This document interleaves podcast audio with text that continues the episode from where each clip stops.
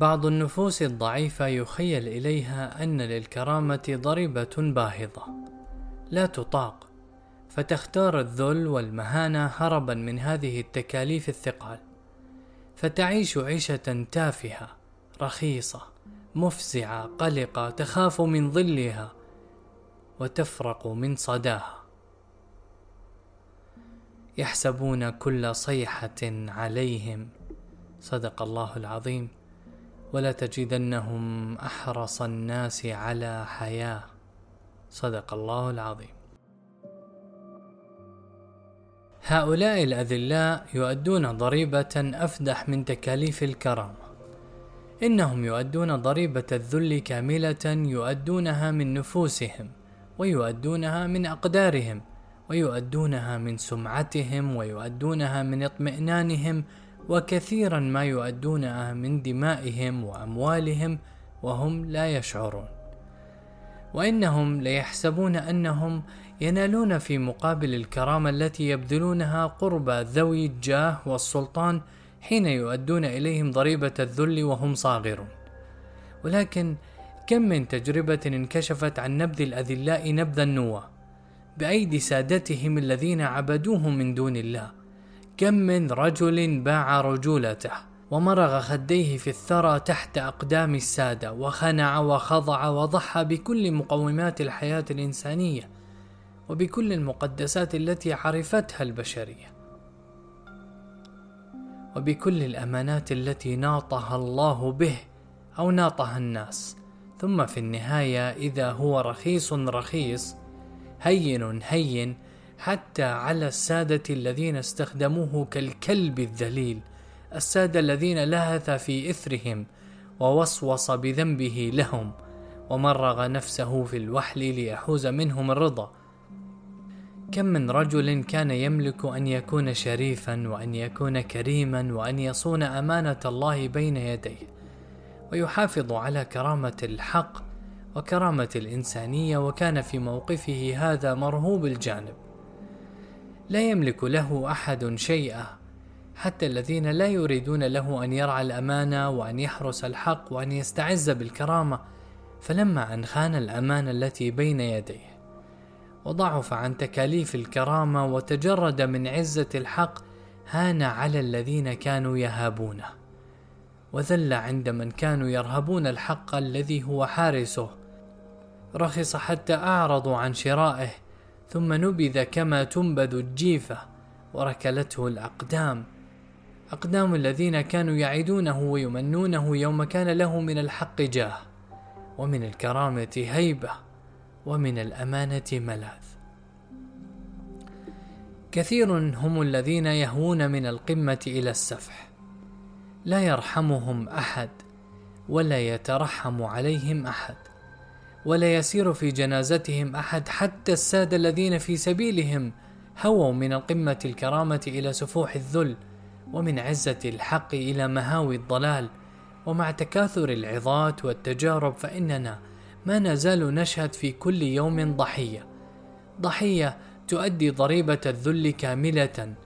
ضحية تخون الله والناس وتضحي بالأمانة وبالكرامة. ضحية تلهث في إثر السادة. وتلهث في إثر المطمع والمطمح وتلهث وراء الوعود والسراب ثم تهوي وتنزوي هنالك في السفح خانعة مهينة. ينظر إليها الناس في شماتة وينظر إليها السادة في احتقار. لقد شاهدت في عمري المحدود وما زلت أشاهد عشرات من الرجال الكبار يحنون الرؤوس لغير الواحد القهار. ويتقدمون خاشعين يحملون ضرائب الذل تبهض كواهلهم وتحني هاماتهم وتلوي أعناقهم وتنكس رؤوسهم. ثم يطردون كالكلاب بعد أن يضعوا أحمالهم ويسلموا بضاعتهم ويتجردوا من الحسنيين في الدنيا والآخرة ويمضون بعد ذلك في قافلة الرقيق لا يحس بهم أحد حتى الجلاد. لقد شاهدتهم وفي وسعهم أن يكونوا أحرارا ولكنهم يختارون العبودية وفي طاقتهم أن يكونوا أقوياء ولكنهم يختارون التخاذل وفي إمكانهم أن يكونوا مرهوبي الجانب ولكنهم يختارون الجبن والمهانة شاهدتهم يهربون من العزة كي لا تكلفهم درهما وهم يؤدون للذل دينارا أو قنطارا. شاهدتهم يرتكبون كل كبيرة ليرضوا صاحب جاه أو سلطان ويستظلوا بجاهه أو سلطانه وهم يملكون أن يرهبهم ذو الجاه والسلطان. لا بل شاهدت شعوبا بأسرها. تشفق من تكاليف الحرية مرة فتظل تؤدي ضرائب العبودية مرات ضرائب لا تقاس إليها تكاليف الحرية ولا تبلغ عشر معشارها وقديما قالت اليهود لنبيها يا موسى إنا لن ندخلها أبدا. ما داموا فيها فاذهب أنت وربك فقاتلا إنا هنا قاعدون. فأدت ثمن هذا النكول عن تكاليف العزة أربعين سنة تتيه في الصحراء تأكلها الرمال وتذلها الغربة وتشردها المخاوف. وما كانت لتؤدي معشار هذا كله ثمنا للعزة والنصر في عالم الرجال. إنه لا بد من ضريبة يؤديها الأفراد وتؤديها الجماعات وتؤديها الشعوب. فإما أن تؤدى هذه الضريبة للعزة والكرامة والحرية وإما أن تؤدى للذلة والمهانة والعبودية والتجارب كلها تنطق بهذه الحقيقة التي لا مفر منها ولا فكاك.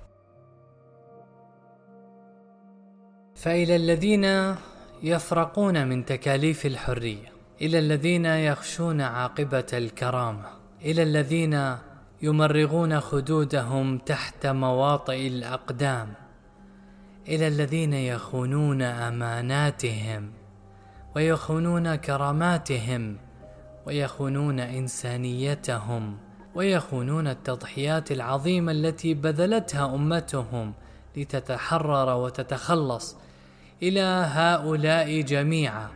أوجه الدعوة أن ينظروا في عبر التاريخ وفي عبر الواقع القريب وأن يتدبروا الأمثلة المتكررة التي تشهد بأن ضريبة الذل أفدح من ضريبة الكرامة وأن تكاليف الحرية أقل من تكاليف العبودية وأن الذين يستعدون للموت توهب لهم الحياة وأن الذين لا يخشون الفقر يرزقون الكفاية وأن الذين لا يرهبون الجاه والسلطان يرهبهم الجاه والسلطان.